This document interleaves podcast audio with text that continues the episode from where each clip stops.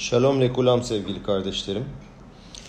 Bu hafta size Rav Shabtai Slavtitski'nin Kitetse peraşası ile ilgili vermiş olduğu şiuru aktarmaya çalışacağım.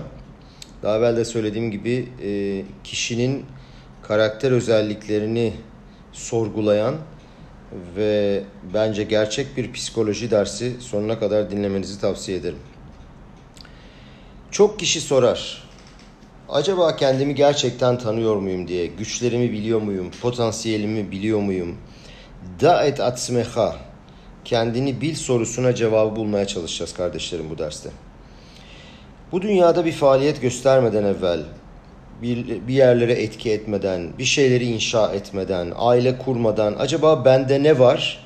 Bunu bilmemiz lazım. Kitetseper aşısında e, aşvat aveda yani kaybolmuş bir şeyi, bulduğumuz bir şeyi geri verme konusundaki mitzvayı açıklayan e, pasuklar şöyle söylüyor. Kitetse et şor ve et siyon ve italam tamem aşef teşivem le ahiha. Eğer kardeşinin kitire et şor affedersiniz. Eğer kardeşinin boğasını görürsen ve onun kaybolduğunu görürsen onu geriye vermen lazım. Ve devam ediyor. Ve hen taase le hamoro ve hen taase le simlato ve hen taase le hol avedat ahiha asher toved mimenu umatsata lo tuhal umatsata lo tuhal leitalem. Bunu da Türkçesini okuyalım. Aynısını eşeği içinde yapmalısın. Aynısını giysisi içinde yapmalısın. Aynısını kardeşinin ondan kaybolmuş olan ve bulduğun her türlü kaybı içinde yapılısın, yap, yapmalısın. Görmezden gelemezsin. Ve e, dediğimiz gibi kayıp eşyayı verme mitzvası. Şemot peraşasında bununla beraber buna buna katkıda bulunmak için başkası için başkası için bir objeyi koruyan bir adam, başkasının verdiği bir objeyi koruyan bir adam. Bu e, şor olabilir, boğa, hamor olabilir, eşek, se olabilir, koyun veya simla, elbise, beget olabilir. Bunları saklıyorsa muhakkak geri vermesi lazım. Ve aynı adam bu malları sakladığını reddederse ve buna yemin ederse de bunun bunun cezasını ödemesi lazım. Tora aynı şeyi söyler. Şor, hamor, se ve simla. Boğa, eşek, koyun ve simla beget. Baba Metsiya Gemara'da soruyor. Kenta selehol avodat ehiha dedikten sonra yani e, bu e, kardeşinin kardeşinin bütün her şeyine aynı şeyi yaptı yap dedikten sonra niye diyor bu detayları anlatıyorsun? Yani bu dört tane seviyeyi niye söylüyorsun? Şor, se, hamor bunları niye detayları veriyorsun? Tsemah Sedek, Baal Atanya'nın torunu olan Tsemah Sedek ki Haftet 29 Eylül'de doğdu. Ee, şöyle bir açıklama yapıyor ki Rebbe bunu bu konsepte her zaman hatırlatır. Adamu Bema Toşiya Hashem 36. Teylim Perek 7'de şöyle diyor. İnsan ve hayvanları sen korursun Hashem. Adamu Bema Toşiya Hashem. Tora'daki bu tüm, tüm cümleler aslında ya ben adam için ya insan için ya da kişinin içindeki hayvan için. Özür dilerim terim için ama hepimizin içinde bir hayvan var. Nefes behemi dediğimiz içimizdeki hayvan için söylenir. Ve hayvanları ilgilendiren tüm Tora kuralları bu dünyadaki her şey kardeşlerim yukarıdan göklerden yönetilir ve geliştirilir. Nasıl ki ayağımızın en küçük parmağının kımıldaması bile beyinden geliyorsa aşağıda yani dünyamızda olan her şey aslında yukarıda ortaya çıkar ve yönetilir. Dolayısıyla aşağıdaki tüm hayvanlar ve objeler yukarıdan milemala gelir. Boğa, eşek, koyun ve elbisenin bize ne karakter özelliklerini yansıtıyor ve bunu nasıl anlatıyor bunu göreceğiz bu derste. Bu özellikleri Akadosh Baruhu bize aslında büyümemiz, gelişmemiz ve Akadosh Baruhu'ya yaklaşmamız için verdi. Kendime içimizdeki o helek eloka mimal yani Tanrı'nın bizim içimize üflemiş olduğu o tanrısal parçamızı e, bulma ve bu yüce ruha yaklaşmamız için. Bu dört tane güç bizi yukarıya kaldırır. Ama zeleumatze yani her şeyin karşılığında bir karşılık olduğu gibi bu dört tane güç aynı zamanda seni indirebilir ve aşağı çekebilir. Ve birdenbire kendini kaybolmuş hissedebilirsin. Birçok kez, birçok kez bu şekilde e, kaybolmuş hissederiz kendimizi kardeşlerim ve e, üstüne yaslanabileceğimiz bir bazımız kalmadı diyebiliriz. Dayanağımız kalmadı diyebiliriz. Kendimizi son derece boş ve kötü hissedebiliriz. Tora diyor ki Aşef teşivenu kayıp olanı geri verme, geri verme mitzvan var. Ne demek? Yani nasıl ki kayıp olanı arkadaşına geri veriyorsan sen eğer kendini kaybolmuş hissediyorsan bu dört tane muhteşem güç senden kaybolduğunu hissediyorsan ve bunların senin de kaybolmana sebep olacaklarsa onları hemen geri getir. Onları yukarı kalkmak için ve pozitif bir şeye girmek için kullan. Onlarla yükselmek için kullan ve bu meydan okumayı yani bu challenge'ı, Edgar'ı vazife al. Şimdi tek tek bu e, konuştuğumuz hayvanların ne hangi karakter özelliklerine denk geldiğini görelim. Ki bence bu e, dediğim gibi e, müthiş bir psikolojik analiz ve kişinin kendini tanıyabilmesi ve daha sonra özelliklerini bularak nasıl bir çalışma yapması gerektiğiyle ilgili inanılmaz bir rehber. Şor, boğa. Ne demek boğa? Boğa kas yani kızgınlığı sembolize ediyor. Ateş ile boğa aşağı yukarı aynı şeyleri sembolize ediyorlar kardeşlerim. Boğa aslında sakin ve sessiz bir hayvandır fakat sinirlendiği zaman vay haline biri ona yaklaşırsa e, boynuzlarıyla vurabilir ve müthiş zarar verebilir. Boğada muazzam duygular vardır, muazzam coşkular vardır. İtlavut diyoruz buna İbranice'de. Ve bu coşkular aslında insanın aradığı bir şey. İnsanlar soruyorlar her zaman bana heyecan verecek bir şey bul. Heyecanlı olsun hayatımız ki renklensin. Mesela olimpiyatları bu yüzden seyrediyoruz. Heyecan duymak için. Burada önemli olan nokta şu. Acaba biz nereden heyecan duyuyoruz? Seni düşürecek, indirecek, utandıracak bazı şeylerden mi heyecan duyabiliyoruz? Anlıyorsunuz ne demek istediğimi? Ee, yani seni sende olan her şeyi boşaltacak bazı şeylerden mi heyecan duruyoruz? Veya kutsiyet, tertemiz, saf ve önemli şeylerden mi heyecan duyuyoruz? Bunun için kendimize sormamız lazım. Buna buna bir örnek verdi Rav. Ee, adamın biri evde heyecan duymak için bir gerilim filmi seyretmeye başlar. Yanında da bebek vardır. Bebek uyuyakalır. Ve birden filmin ortasında bebek kalkar ve ağlamaya başlar. Şş pş der ama tabii küçük bebeğin anladığı bir lisan değil bu. Devam eder ağlamaya sallar mallar ama yine susmaz. Filmi seyretmeye devam etmek ister. Çünkü adam tamamen filme konsantre olmuştur. E, bilinçsiz bir şekilde yastığı alır çocuğun üstüne koyar. Ve o heyecan ve coşku devam ettikten sonra bir dakika boyunca kendini adam kaybeder ve maalesef çocuk boğularak ölür. Şimdi burada da e, coşkunun ve heyecanın kişiyi nasıl kendinden geçirebileceğini ve kaybettirebileceğini görüyoruz. Coşku ve duygular maalesef seni indirebilir. Ee, niye tüm karakter özelliklerine mida diyoruz? Mida daha evvel de konuşmuştuk. Ölçü demek aslında. Hepsinde iyi ve kötü var. Bütün midalarda, bütün karakter özelliklerinde. Soru şu. Her karakter özelliğinde nerede kullanacağız? Kime karşı kullanacağız? Ve bu özelliği ne zaman kullanacağız? Buna karar vermemiz lazım.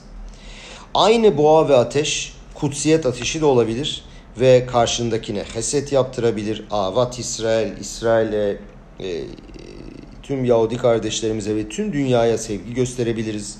Mitzvalar yapabiliriz. Kendimizle coşku içinde bağlantı kurabiliriz.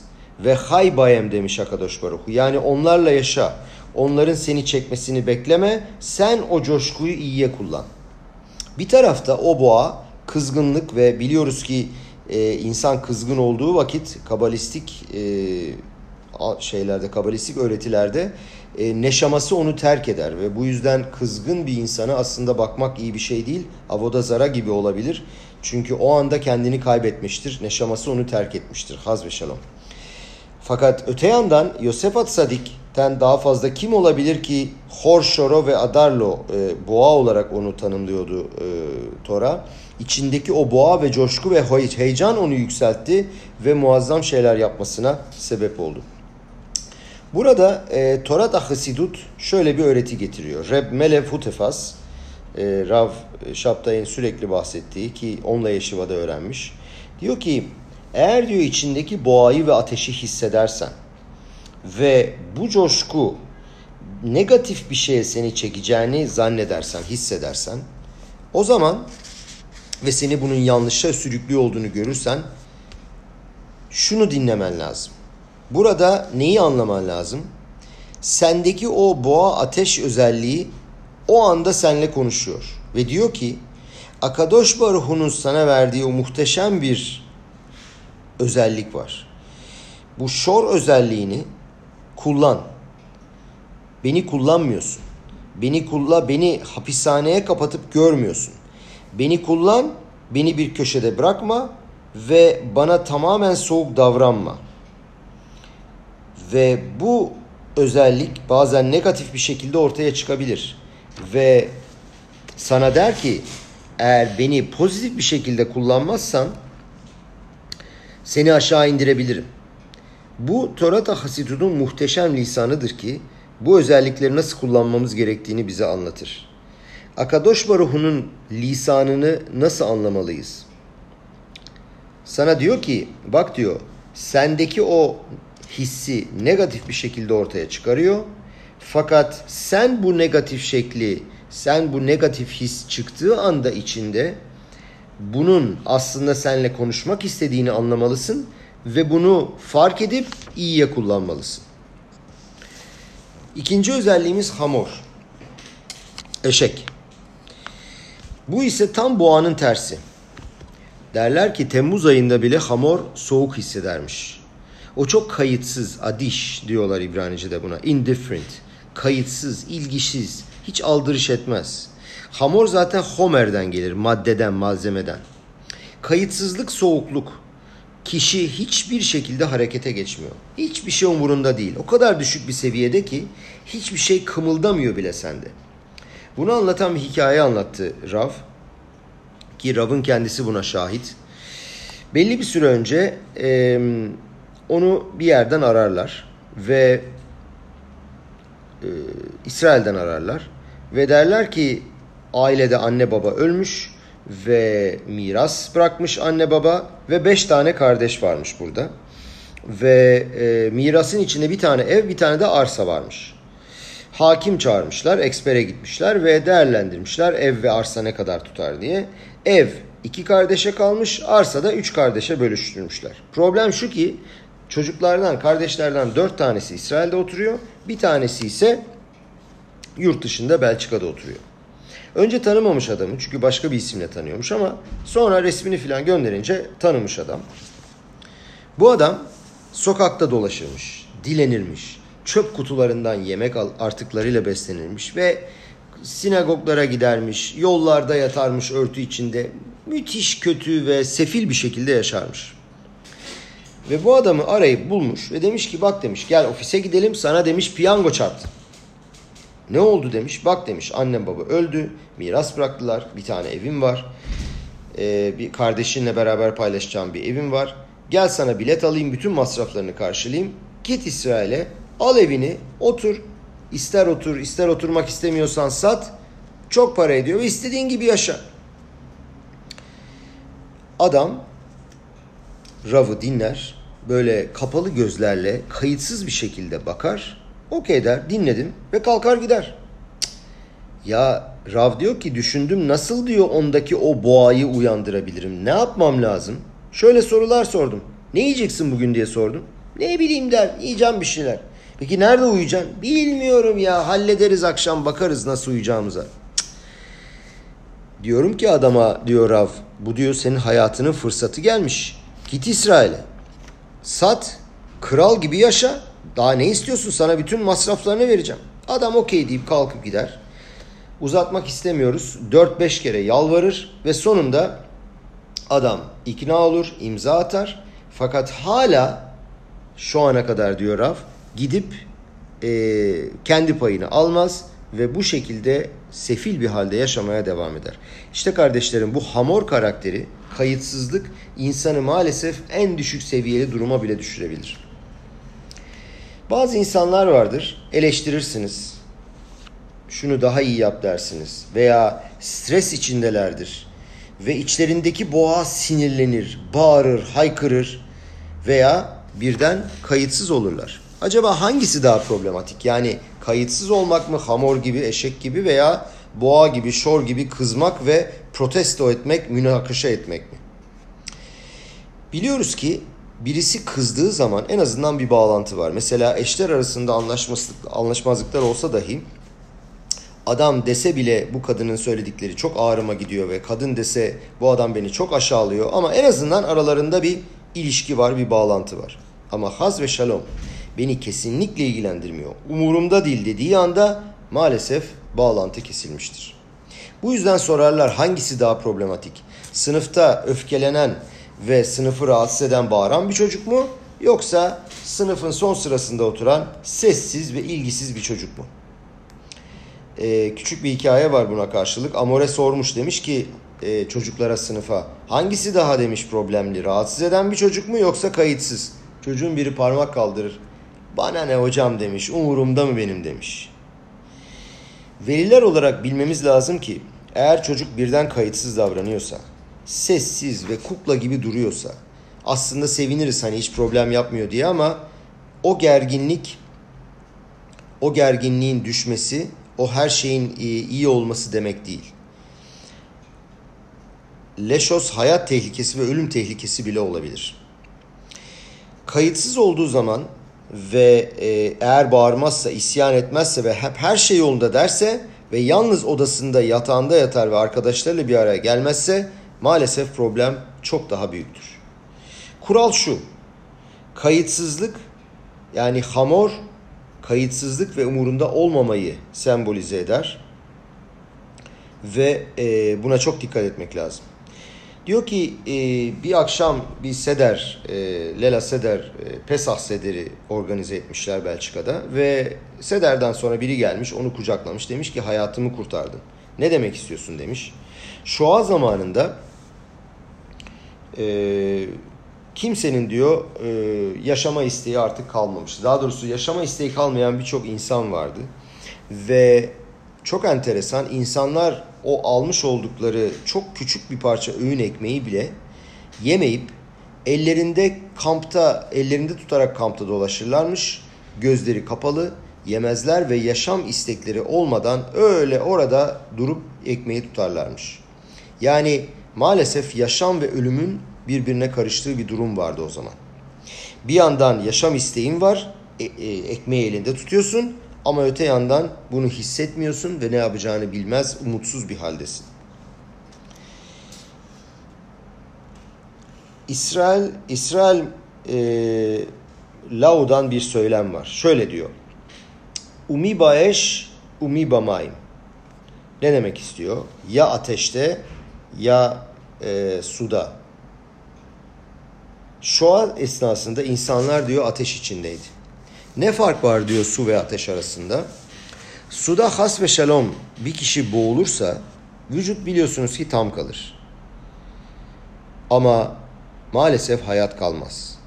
Şoadan kurtulan Survivor'ların içinde vücut itibariyle tam çıkan insanlar vardı ama içlerinde hayat ışığı kalmamıştı.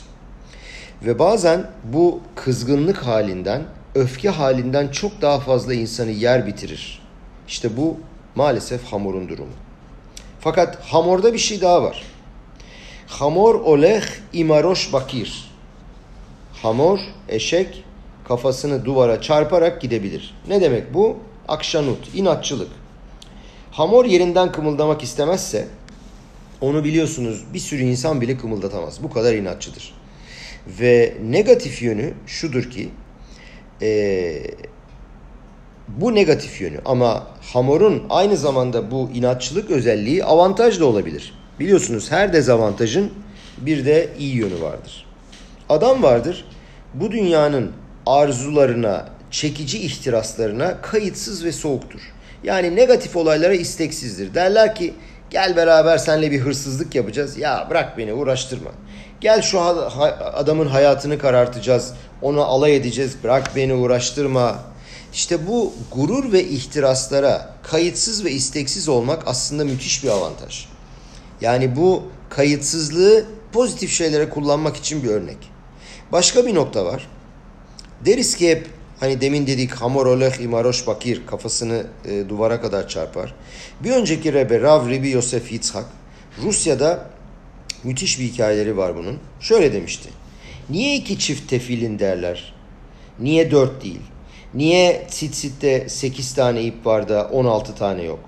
Niye e, Beged'in elbisesinin dört köşesine konacak, konu, konacak denmiş? Niye altı değil veya üç değil?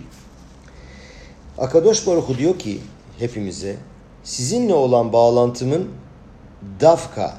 Bu dafkayı ben özellikle kesinlikle olarak e, tercüme ettim. Dafka lafı çok kolay değil tercüme etmek. Özel bir laf. Özellikle olması lazım diyor. Bazen diyor anlamayız. Akadosh Baruhu niye emretti böyle bir şeyi? Niye yaptı? Tam olarak ne amacı var diye anlamayız. Ve David Amelech şöyle söylüyor. Deyiliminde aşre am şey kahalo. Şanslıdır, mutludur o halk ki böyle olduğu için. Kaha. Hani bilirsiniz lama derler. Niçin? Kaha. Öyle kocanın karısına dediği gibi özellikle seninle birlikte kalmak için kalmak istiyorum. Bazen zorluklar olur. Baba oğluna der ki ne yaparsan yap, ne olursa olsun davka seninle olacağım. Özellikle seninle olacağım. Kesinlikle seninle olacağım. Bu işte aşre am şekahalo. Bir aile bu inatçılık, inatçılığı e, vurgulamak için bir e, spor anlatacağım. Amerika Birleşik Devletleri'nde Yahudilikten uzak bir ailenin bar mitzva zamanı gelmiş çocuğun ve çocuk demiş ki artık bar mitzva yapacağız bir şeyler öğrenmemiz lazım ve anne onu bir habad ravına götürür.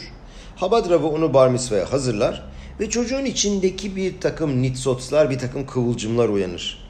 O içindeki boğa, o ateş yanar ve e, pozitif yönde keduşa anlamında kutsiyete, gidebil, kutsiyete gidebilmek için e, bir şeyler uyanır içinde ve der ki annesine ben der bar mitzva sonrası dati okuluna gideceğim.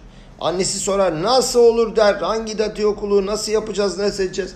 Valla çocuk der ki ben böyle istiyorum. Biliyorsunuz bazen çocuklar yemek yemezler su içmezler ve bu şekilde yapmak lazım. Kaha Birkaç tane dati okuluna giderler araştırmaya. Yönetici sorar. Gemara öğrendin mi? Hayır. Mişnayot biliyor musun? Hayır. Humaş biliyor musun? Hayır. Tefila, dua etmeyi biliyor musun? Hayır. Anneye de şimdi özellikle almak istemiyoruz demek istemiyorlar. Onu aşağılamak istemiyorlar. Sorarlar işte hangi sınıftasın? Kaç yaşındasın? 13. Kitahet 8. Üzgünüm işte sınıfımız dolu seni alamayız. Okuldan okula gittiler. Hepsinde aynı sorular, aynı cevaplar ve onu kırmak istemezler ve iyi bir mazeret bulurlar. Artık çocuklar iyice umutsuzluğa kapılırlar ama çocuk der ki bak şu okula da gidelim anne. Giderler yine aynı cevaplar. Yönetici başlar kaçamak yapmaya. Üzgünüm işte seni alamam edemem. Çocuk şöyle der. Tamam der anladım almayacaksınız. Cebinden bir kayıt kağıt kalem çıkarır ve der ki bak der yöneticiye. Şu kağıda yaz ki ben senin okuluna girmek istedim ve sen beni sokmadın. Yönetici birdenbire şaşırır. Nasıl yani der. Neye ihtiyacım var ki bunu mahkemeye mi vereceğim bununla der. Ne yapacaksın der. Böyle bir strese girer. Çocuk söyler bak söyleyeyim der. Bu kağıdı 120 sene boyunca saklayacağım. Ve vasiyetime yazacağım. Beni bu kağıtla gömün diye. Ve gökyüzüne çıktığımda yargı zamanı 120 sene sonra bana sorduklarında niçin öğrenmedin Tora ve niçin mitzva yapmadın dedikleri zaman işte bu kağıdı göstereceğim demiş. Yönetici bunu duymuş, yüzü bembeyaz kesilmiş ve inanılmaz heyecanlanmış ve ağlamaya başlamış gözlerinde yaşlarla. Onu kucaklamış. Demiş ki sen benim oğlumsun. Ben benle birlikte evde oturacaksın, benle yaşayacaksın. Sana öğreteceğim ta ki okul seviyesine gelene kadar.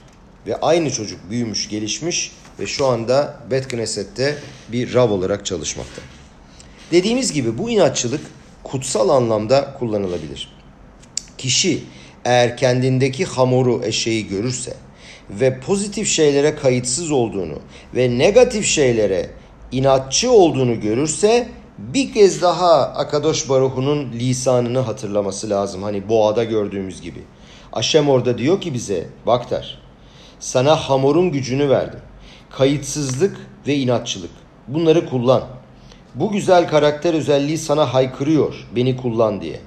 İçinden kaynıyor kullan beni diye. İnsanı uyandırıyor. Bir kıvılcım çaktırıyor. Ve bu kayıtsızlık ve inatçılığı al ve bunu kutsiyet için kullanman lazım geldiğini anla ve faaliyete geç. Şimdi üçüncü karakter özelliğine geçelim kardeşlerim. S. Koyun. Koyun karakterinde olan insanlar her tarafa doğru çekilirler. Kim nereye giderse onlar da oraya gider. Hiç özgüvenleri yoktur. Ee, üstüne oturduğu bir baz yoktur. Ve aldıkları bir pozisyon yoktur. Hep onlar başkaları ne derse onlar da onu söylerler. Başkası şöyle der, onlar da öyle söylerler. Birlikte yaşadığı, tutunduğu bir baz yok. Ve e, gerçekten hissettiği bir pozisyon yok. Hep ortada, ya orada ya burada. Daha güçlü olanın yanında görünmeye çalışırlar. Mesela Avram ve abisi arasındaki fark. Nimrod e, babası Avram'ı Nimrod'a götürdüğü zaman Nimrod onu ateşe atmak ister ve Avram direkt ateşe atlar fakat yanmaz. Kardeşi Aram ise onun yanında durur ve der ki bakacağım. Eğer Avram kurtulursa demek ki Elohim Mehmet, Tanrı Mehmet ve ben de atlayacağım. Eğer kurtulmazsa anlayacağım ki avada zara gerçek. Gördü ki Avram Avinu kurtuldu. O da atladı fakat yandı. Niye yandı? Çünkü Avraham Avinu kardeşlerim beemmet gerçekten inandı. Rebbe diyor ki Avraham Avinu putları kırmadan evvel Avodazara yapardı o da babasıyla. Avodazara yaptığı anda bile diyor gerçekten yapardı diyor. Öylesine değil. Herkes yaptığı için değil. Herkes yapıyor ben de yapayım değil. Gerçekten yapardı. Ve herhangi bir şeye gerçekten karşı geliyorsan ve sana ispat ederlerse ki tam tersi o zaman hemen geri gelirsin ve vazgeçersin. Sorun şu. Bazen orada, bazen burada ve seni nereye çekerlerse oraya gidiyorsan olmaz. İşte Aram böyleydi. Ve bakalım dedi kurtulabilecek miyim? Gerçekten inanmadı. Yanmayacağına inandı. Avraham Avinu ise gerçekten inandı ve ateşe atladı. Niçin atladı? O yanıp yanmayacağını değil. O emunası için, inandığı için atladı. Yanmaya hazırdı aslında. Ama kardeşi bunu istemedi ve bu yüzden kaybetti. Dolayısıyla büyük kural bu kardeşlerim. Senin yani koyunun bir kişiliği yok. Hep bir yerlere çekilir. Bunu anlatan esprili bir hikaye var. Sanırım diyor Rav bu hiçbir zaman gerçekleşmedi ama olayı izah etmek için güzel bir örnek. Bir çift evlenir ve damadın babası e, bir hamor hediye eder. Bir eşek hediye eder ve e, düğün bittikten sonra damadın evi çok uzak ve eve doğru yola çıkarlar. Erkek kibarlık olsun diye kıza der ki sen eşeğin üstünde dur ben yürürüm. Yürürler yürürler bir şehre gelirler. Herkes başlar söylüyor. Aa, bak şimdiden verdin yuları kızın eline. Kız orada gidiyor. Sen ise yürüyorsun. Bakar böyle olmayacak. Tamam der o zaman ben eşeğin üstüne bineceğim. Sen der yürü. Giderler giderler bir köye gelirler derler ki o böyle olur mu ya kadını yürütüyorsun sen yukarıdasın. Cık, olmaz peki ne yapacağız? İnerler biliyor musun der ikimiz birden hamurun üstüne binelim. Biniyorlar eşeğin üstüne. Yine gidiyorlar gidiyorlar diyorlar ki ya bu olur mu diyorlar eşek sadece bir kişiye taşır iki kişi birden e, biner binebilir misiniz diyorlar zavallı eşek. Baktılar o da olmuyor. İkimiz de yürüyor derler. Yürürler bu sefer derler ki bu ne iştir derler. Eşek yürüyor, sen yürüyorsun. Biliyor musun der adam. Gel ikimiz de alalım hamuru sırtımıza. Biz hamuru taşıyalım. Yani burada kardeşlerim görüyoruz ki gerçekten bir koyun karakteri ve kişilikleri yok. Ester Amalka ve Amon Aman Araş'a ne demişti? tüm Yahudileri yok etmek istedi ve şöyle demişti. Yeşno amechad mefuzar u meforat benamim. Ee, bir tane halk var ayrılmış ve dağılmış bütün başka milletlerin arasında. Yani diyor ki onlar diyor Aşem Elokenu Aşem Ehad diyorlar. Onlar Ehad diyen yani Aşem'in gerçekliğini bilen bir halk ve bunun tekliğini dünyada yayması lazım. Fakat o kadar dağılmış ve o kadar kafaları karışmış ki bir sürü değişik düşünceleri var. Bugün bile aslında bunu çok hissediyoruz kardeşlerim. Bugün hepiniz bilirsiniz elimizde o kadar çok aletler var ki WhatsApp'ımız var, işte efendim Facebook var, Instagram var, bilgisayar var, bir anda iPad var, ona mı bakayım, şuna mı bakayım derken kesinlikle konsantre olamıyoruz. Her an başka bir şey tarafından çekiliyoruz ve dikkatimiz dağılıyor ve bir türlü odaklanamıyoruz. İnsanlarda maalesef odaklanma ve dikkat konusunda müthiş rahatsızlıklar ve bozukluklar var. Ve insanlar diyorlar ki ya bunun sebebi olarak diyorlar ki işte yemek yemektir, işte strestir, şudur budur. Fakat buna tamamen aklın dağılması deniyor. Pizura nefeş, dalgınlık. Ve büyük firmalar işlerine kesinlikle elemanların e, o içinde bir sürü e, enformasyon olan aletleri getirmelerine izin vermiyorlar ki kendilerini işe tamamen verebilsinler diye. Bu aletlerin bizleri negatif şeylere sürüklemesi tehlikesi haricinde biliyorsunuz ki bu çok çok önemli. Özellikle çocukları olanlar e, bir takım blokaj e, programlarıyla bunu bloke etmeleri lazım. Maalesef bu aletler bu tehlike dışında dalgınlığa ve aklın dağılmasına da yol açıyor. Gemara şöyle der. İm dome arav le malach Hashem yevakshu Torah mipiv ve im lav al tevakshu Torah mipiv. Eğer ravlar, eğer rav e, Akadosh Baruhu'nun meleğine benziyorsa o zaman ondan, onun ağzından Tora iste. Fakat benzemiyorsa ağzından Tora isteme. Şimdi buna soruyor Ravlar. Bir kere Rav ne kadar Malach Aşem'e benzeyebilir? Nasıl benzetebiliriz? İkincisi biz acaba gerçekten Malach Haşem, Haşem'in meleğinin nasıl olduğunu biliyor muyuz ki benzeteceğiz veya benzetmeyeceğiz? Ve buna karşılık bu olmadan ondan Tora istemeyecek miyim? Nedir bunun açıklaması acaba? Şöyle diyor ki hiçbir melek yoktur ki iki tane görevi olsun. Meleklerin sadece tek bir e, tek bir ayakları vardır. Hep omed, hep ayakta dururlar ve tek bir şeye bağlıdırlar. İki tane şeyi, iki ayrı şeyi yapamazlar. Eğer diyor senin Rav'ın Malach Haşem'e benziyorsa şu demek. O der her şeyiyle, tümüyle sana adaması lazım kendini. Tam ortasında ona selam ver, buna manişma de, o var mı, işte ne yaptın, ne ettin diye sorarsa bir oraya bir buraya gelirse der, o Malach Haşem olamaz ve ondan bir şey isteme. Ama yok eğer tamamen sana konsantre ise bir derste başka hiçbir şeyle ilgilenmiyorsa ondan isteyebilirsin. Çünkü ondan Tora'yı absorbe edebilirsin. Emebilirsin her şeyi. Ama aynı anda 100 tane şey söylüyorsa, bir oraya bir buraya gidiyorsa evet diyor ondan Tora öğren ama fazla bir şey ondan isteme. Liklot et Tora. Dediğim gibi İbranice lafları e, tercüme etmek çok zor. Liklot to absorb demek ama bunun Türkçesini bulamadım. Bilen varsa hakikaten söylerse sevinirim. Profesör Branover bir keresinde konuşmuş Rabbi ile. Diyor ki bu dünyaca ünlü bir Rus e, bilim adamı. Diyor ki ben diyor e, Amerika Birleşik Devletleri'nin başkanıyla konuştum. İngiltere Başbakanıyla konuştum. Birçok insanla konuştum ama der bir tek kişi gördüm ki der sadece bana odaklandı. O da Rebe Milubavic diyor. Çok kez e, insanlarla konuşuruz kardeşlerim ve bir o anda hissederiz ki aslında o benlik beni dinlerken şimdiden başka bir şey düşünüyor. Ya bana vereceği cevabı düşünüyor. Ya benden ne kazanabilir? Beni veya benim ilişkilerimi nasıl kendi menfaatine kullanabilir? Hep bunları kafasından geçiriyor. Halbuki Rebbe'ye geldim diyor bu e, Profesör Branover. Dışarıda diyor inanılmaz bir kuyruk olmasına rağmen, gece yarısı olmasına rağmen adam diyor tamamıyla bana konsantreydi. Derler ki Rebbe hiçbir zaman sırtını e, iskemlenin arkasına dayanamazmış. Hep iskemlenin ucunda oturur ve tamamen konuştuğu kişiye konsantre olurmuş.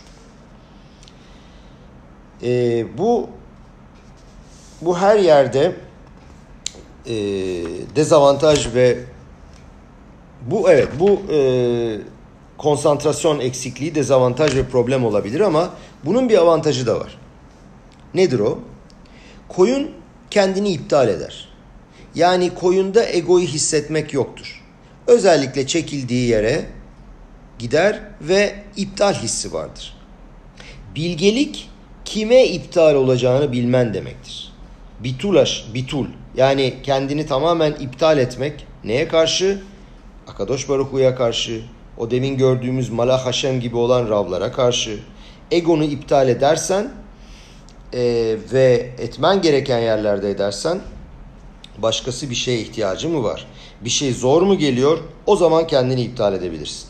Bu olabilecek en önemli görkem ve ihtişama bedel. David Ameleh ne demiş? Haiti kesse oved. Yani çalışan bir koyun gibiydim demiş. Ne demek avantaj? Ve kendini Akadosh Baruch önünde tamamen iptal edebiliyordu. Kendini kaybeden koyun nasıl bağırır kardeşlerim? Me me. Biz de böyle bir şey olduğu vakit, kendimizi kaybettiğimiz vakit Akadosh Baruchu'ya haykırmamız lazım. Adam kendindeki koyunu gördüğünde, negatif yerlere gittiğini gördüğünde bir türlü karar veremiyor, düğünden düğüne gidiyor, bir sürü değişik işle meşgul oluyor, oradan oraya çekiliyor. Anlaması lazım ki o içindeki koyun onunla konuşmak istiyor. Ve ona diyor ki büyü artık. Şu koyun karakter özelliğini, iptal özelliğini, alçak gönüllülük özelliğini, o alçalmayı al ve onları olması gerektiği yerde kullan. Evet koyunu da bitirdik kardeşlerim. Şu anda sıra Beged'de. Elbise. Bu Beged'in ki bu da çok çok enteresan iki tane birbirine ters özelliği var.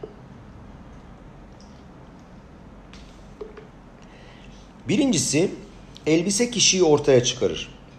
Mesela bir e, adamın asker elbisesi giydiğini görürsem onun asker olduğunu anlarım. Veya işte Rebe Hasid Milubavic ise e, Habad olduğunu anlarım.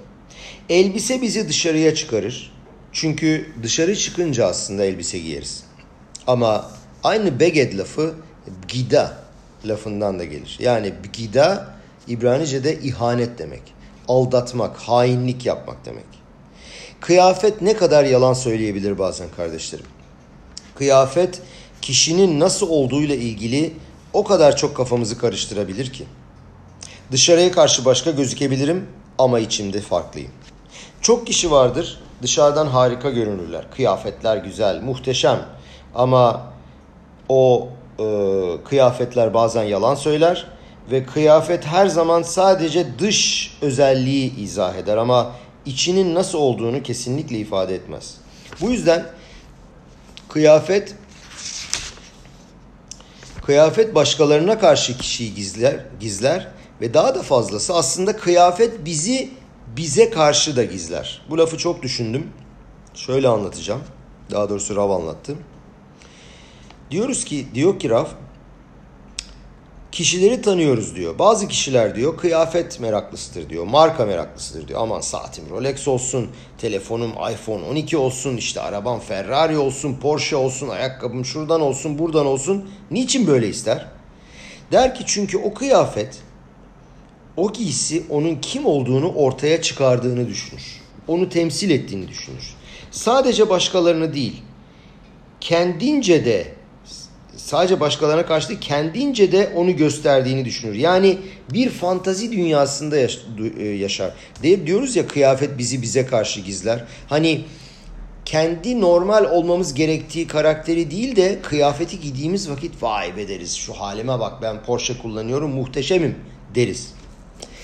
Dışarıya karşı mutlu bir şekilde yaşar ama ta içinin derinliklerinde aslında bilir ki öyle değil.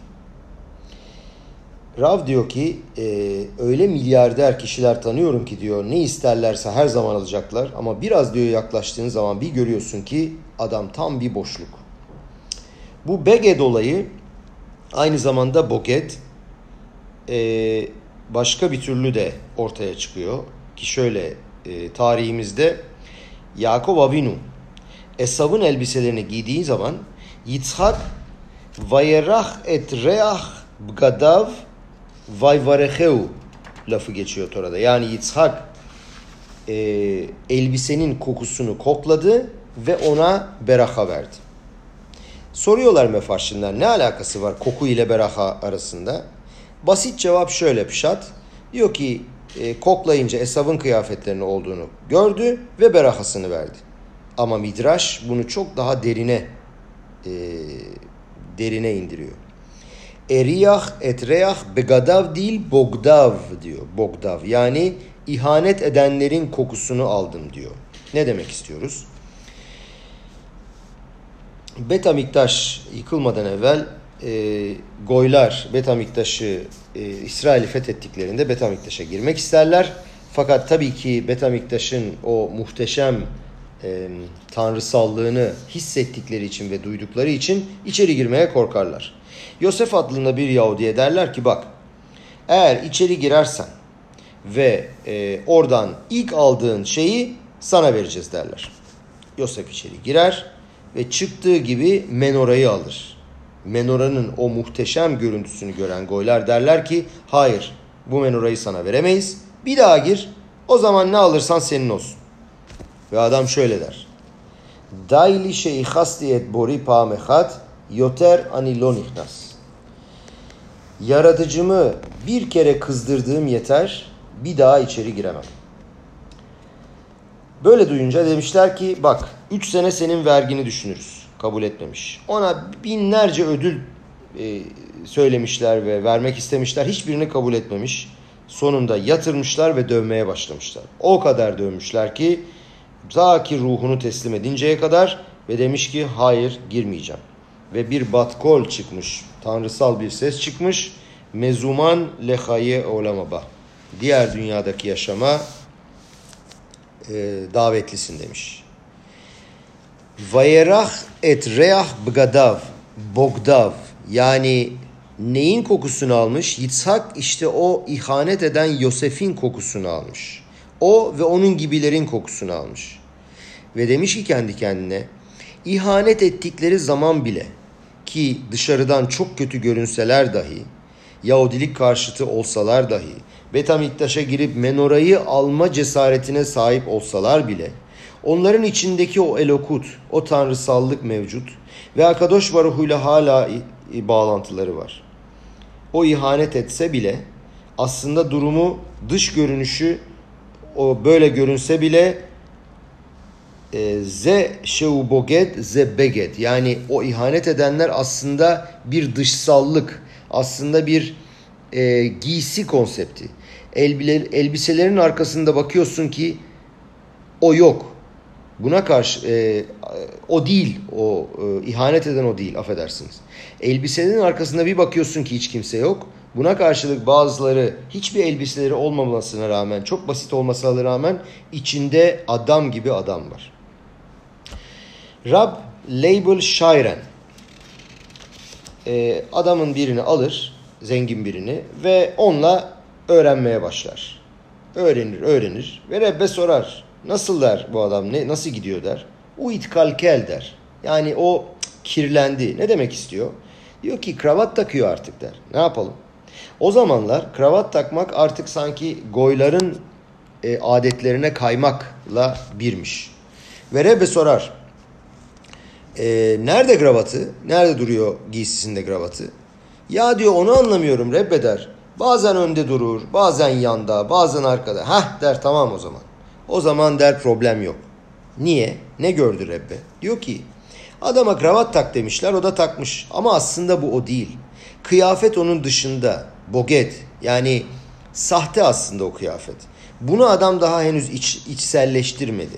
Öte yandan kişi kendini kıyafete ve modaya sokarsa ve buna yatırım yaparsa ve kendini ona uydurursa ve diğer kültürlerle aynı olmak ve onlara benzemek isterse ve bu onun özü, esası olursa insanları etkilemek, onları yakın e, olmak için değil de sanki bunu artık kendi e, özü olarak hissederse ve içi boşalırsa maalesef yıkım orada başlar kardeşlerim.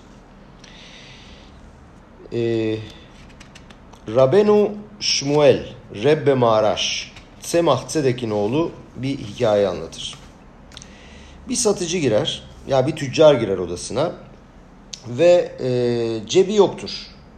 Yani o göğüsteki küçük cep var ya gösteremiyorum size. Göğüste küçük böyle bir aksesuar bir şeyler küçük bir şeyler koymak için bir e, cep olur. O zamanlar o cep yoktu fakat daha sonra moda değişmiş ve bu da tabi bir sürü yere giriyor bu tüccar. Moskova'ya gidiyor ve o da başlamış göğsünde o cepli gömleği takmaya. Ve modaya kendini uydurmaya başlamış. Ve Rebe görmüş ki bu aksesuar sadece hani böyle bir öylesine takılmış değil. Bu bunu o içselleştirmeye başlıyor ve goyların ve diğer yabancıların aşk kafasına onların görüş ve davranış tarzlarına doğru bir meyili var. Sanki kökleri değişmeye başladı. Ama bilgelik o ki e, bir önceki derste işlemiştik biliyorsunuz. O deliği bulmak lazım. Önemli olan o. Lo et ahbar gonev, ahor gonev. Fare çalmaz, delik çalar. O deliği zamanında görmek lazım. O noktayı yakalamak lazım ve patlamadan evvel onu kapatıp onun içinden yetser aranın girmesini önlemek lazım. Yidiş'te bir söylem var ve bunu Yidişçe söyledi. Ben de size söylemek istiyorum çünkü çok hoş. Aid aid bizde keşenem. Ne demek? Yahudi Yahudi sıra para vermeye gelene kadar yani cebine dokunana kadar. Yani tefilla yapar adam, tefilin takar, şomer şabat, kaşrut her şey süper.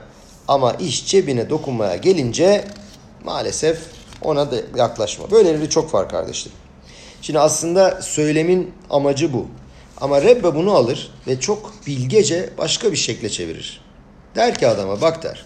Senin bir zamanlar cebin burada değildi. Yani hemen göğsünün üstünde değildi. Ta pantolonundaydı. Ne dedik? Yahudi Yahudi cebe kadar dedik değil mi? Bak der. Sen eskiden ta kafandan pantolonunun cebine kadar olan mesafede müthiş büyük bir Yahudiydin. Ama şimdi görüyoruz ki o cebin tam göğsünün üstünde. Yani senin o eskiden büyük olan içindeki Yahudi şu anda kafandan göğsüne kadar geldi. Ne demek istedi Rebbe? Şunu söylemek istedi.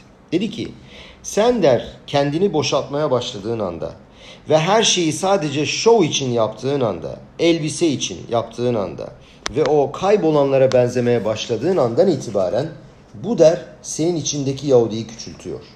Beget dezavantaj ama her şeyin bir de avantajı var kardeşlerim. Nedir avantaj? Bazen insanlar kendi kendine şöyle söyler. Ya ben ne yapacağım tefile yapıp?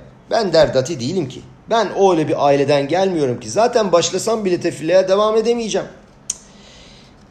Zaten ben e, Tora öğrenmek de istemiyorum. Sadece işte başkaları söylüyor diye yapıyorum. Ben iyilik de yapamam. İçimde öyle bir karakter yok. Ben kötü bir insanım. Yapamam. Ama işte Tora'da yazıyor diye yapıyorum. Ve bu şekilde yalan söylüyorum kendime. Niye Pesah yapayım? Ben dati değilim. Yapmayacağım. Niye Roşşana yapayım? Niye Yom Kippur yapayım? Diyor ki e, Hasidut bu işte diğer boget. Ben bazen beged olmak istemiyorum. Yani yalan söylemek istemiyorum. Aslında yapmayacağım şeyleri, o güzel şeyleri e, yapmak istemiyorum. Fakat burada kardeşlerim beged büyük bir avantaj. İyi şeyler yapabilirsin. Senin içindeki hisler bunu istemese bile, gerçekten istemesen bile, doğru ve gerçek olduğunu düşünmesen bile yapabilirsin. Doğrusu şu ki senin içindeki neşaman aslında istiyor. O istemeyen aslında sen değilsin. Rebbe Freud hakkında şöyle konuşur. Der ki Freud kişinin derinliklerine kazımaya başladı. Ve o kadar kazıdı ki nefeşa beymite kadar geldi. Yani o hayvansal nefeş dediğimiz ruha kadar geldi. Eğer biraz daha kazsaydı, içine girseydi psikanalizle nefeşa elokite gelirdi. O tanrısal nefeşe kadar gidebilirdi. Yani der ki doğrudur ki seni bu olay o zaman çekmiyor. Ama ta içinin derinliklerindeki o tanrısal ruh aslında bunu istiyor. Dolayısıyla bu işte o Beged'in muazzam gücü. onlarla onları istemesen bile gerçekten bazı şeyleri yapabilirsin. Bazı insanlara kompliment yaparız, iltifat ederiz. Tam kalpten olmadığını hissetsen bile. Mesela karşındaki adam sana daha geçen gün negatif bir şey yapmış, kötü bir şey yapmış ama ona günaydın nasılsın diyebilirsin. Ne dedik? Emantik adaber. İnandım çünkü konuşuyorum. Eğer e, çünkü bu konuşma seni etkiler ve e, kendini kötü hissetsen bile iyiye doğru davranmana sana yardımcı olur. Ve Rebe'nin bir spuruyla e, bitirmek istiyorum konuşmamı sevgili kardeşlerim. E, bir tane kız bir seminer, Habat seminerine gelmiş. Ama o seminerde e, kendi arkadaşlarına demiş ki ailemde bir takım problemler var ve psikologlara gidiyorum. Ve psikologlar demişler ki ona bak demişler sen başkalarına bu halde kesinlikle yardımcı olamazsın. E, yapamazsın yapma deneme. Ve almış bütün raporlarını Rebe'ye gitmiş. Rebe demiş ki bak Rebe ben Hesed yapamam. E, hiç kimsenin üzüntüsüne katılamam. Yapamıyorum. Rebe dinlemiş dinlemiş anlıyorum demiş. İşte demiş bu yüzden sedaka vermen lazım. Bu yüzden hesed ve maaseleri yapman lazım. Demiş ki Rebbe demiş anlamadınız galiba. Yapamıyorum. Psikologlar da söylüyorlar. Bak demiş Rebbe çık dışarı. Orada bir kumbara var. Kumbaraya git para at. Seminere git. Seminerdeki kızlara yardım etmeyi dinle. Rebbe demiş yapamıyorum. Rebbe demiş ki yapamıyor musun yoksa istemiyor musun? Bana öyle geliyor ki istemiyorsun. İyi bir şey yaptığın zaman o elbise seni faaliyete geçirir. O dışsallık kalbine etki eder. İşte e, işte bu Hesed'in muhteşem gücü bu. Eğer kişi bir negatif elbisesi olduğunu hissederse, pozitif elbise sana konuşur ve der ki gel al beni. Gel bu karakter özelliğini pozitif iyi bir şeye çevir. Semah Sedek şöyle söylüyor. Aşer yeomar ki u ze. Ne demek? U haya gibor said. Esav için böyle söylenmiş. O dışarıda ve tarlalarda savaşan bir adamdı. Hu. Hu haya gibor said. Hu esev aviedom. U esav aviedom. Esav'ın Edam olduğunu söyleyen yine hu. Hep negatif. U her zaman kötü ve klipayı, e, dış kabukları ve kötülüğü sembolize eder. Yakın olmayanı. Halbuki ze, zekli ve anveu. Gördüğüm şey zedir. İyi olan şey. Elokut içinde tanrısallık görülen şey o yaratılış zedir. Aşer yeomar ki hu ze. Yani insanlar vardır. Karanlığı, uzağa, kötülüğü ışığa, pozitife çevirir. Negatif bir şeye pozitif bakabilmek ve onun pozitif yönünü bulabilmek işte esas sınav bu kardeşlerim. İşte bizim Eylül ayındaki sınavımız bu. İyiyi ortaya çıkarmak. Biat Amaşiyah'ta şöyle yazılır. Hoşeh yafeh leor. Karanlık aydınlığa dönüşecek. Işığın avantajı aslında karanlıkta gelir. Bunda çok sınav var kardeşlerim. Birinci sınav şu. Karanlık varsa ışığı yaktığımız anda ışık daha da kuvvetli çıkar biliyorsunuz. Karanlık ne kadar kuvvetliyse ışık o kadar kuvvetli çıkar. Biat Maşiyah'ta göreceğiz ki karanlık ışığa dönecek. İşte bizim işimiz bu. Biz bu karakter özelliklerimizi gelin alalım bu Eylül ayında. Boğayı, hamoru, e, seyi, koyunu ve begedi elbiseyi alalım. Bu dört tane muhteşem gücün negatif olan güçler negatifte olabilir fakat onların pozitif güçlerini alalım. Bunları kullanalım ve bunları pozitife döndürelim ve Akadosh Baruhu yardımcım olsun, yardımcımız olsun. Bu sayede biat amaşiyahı bir an evvel yaklaştıralım. Amen ve hen yeratson.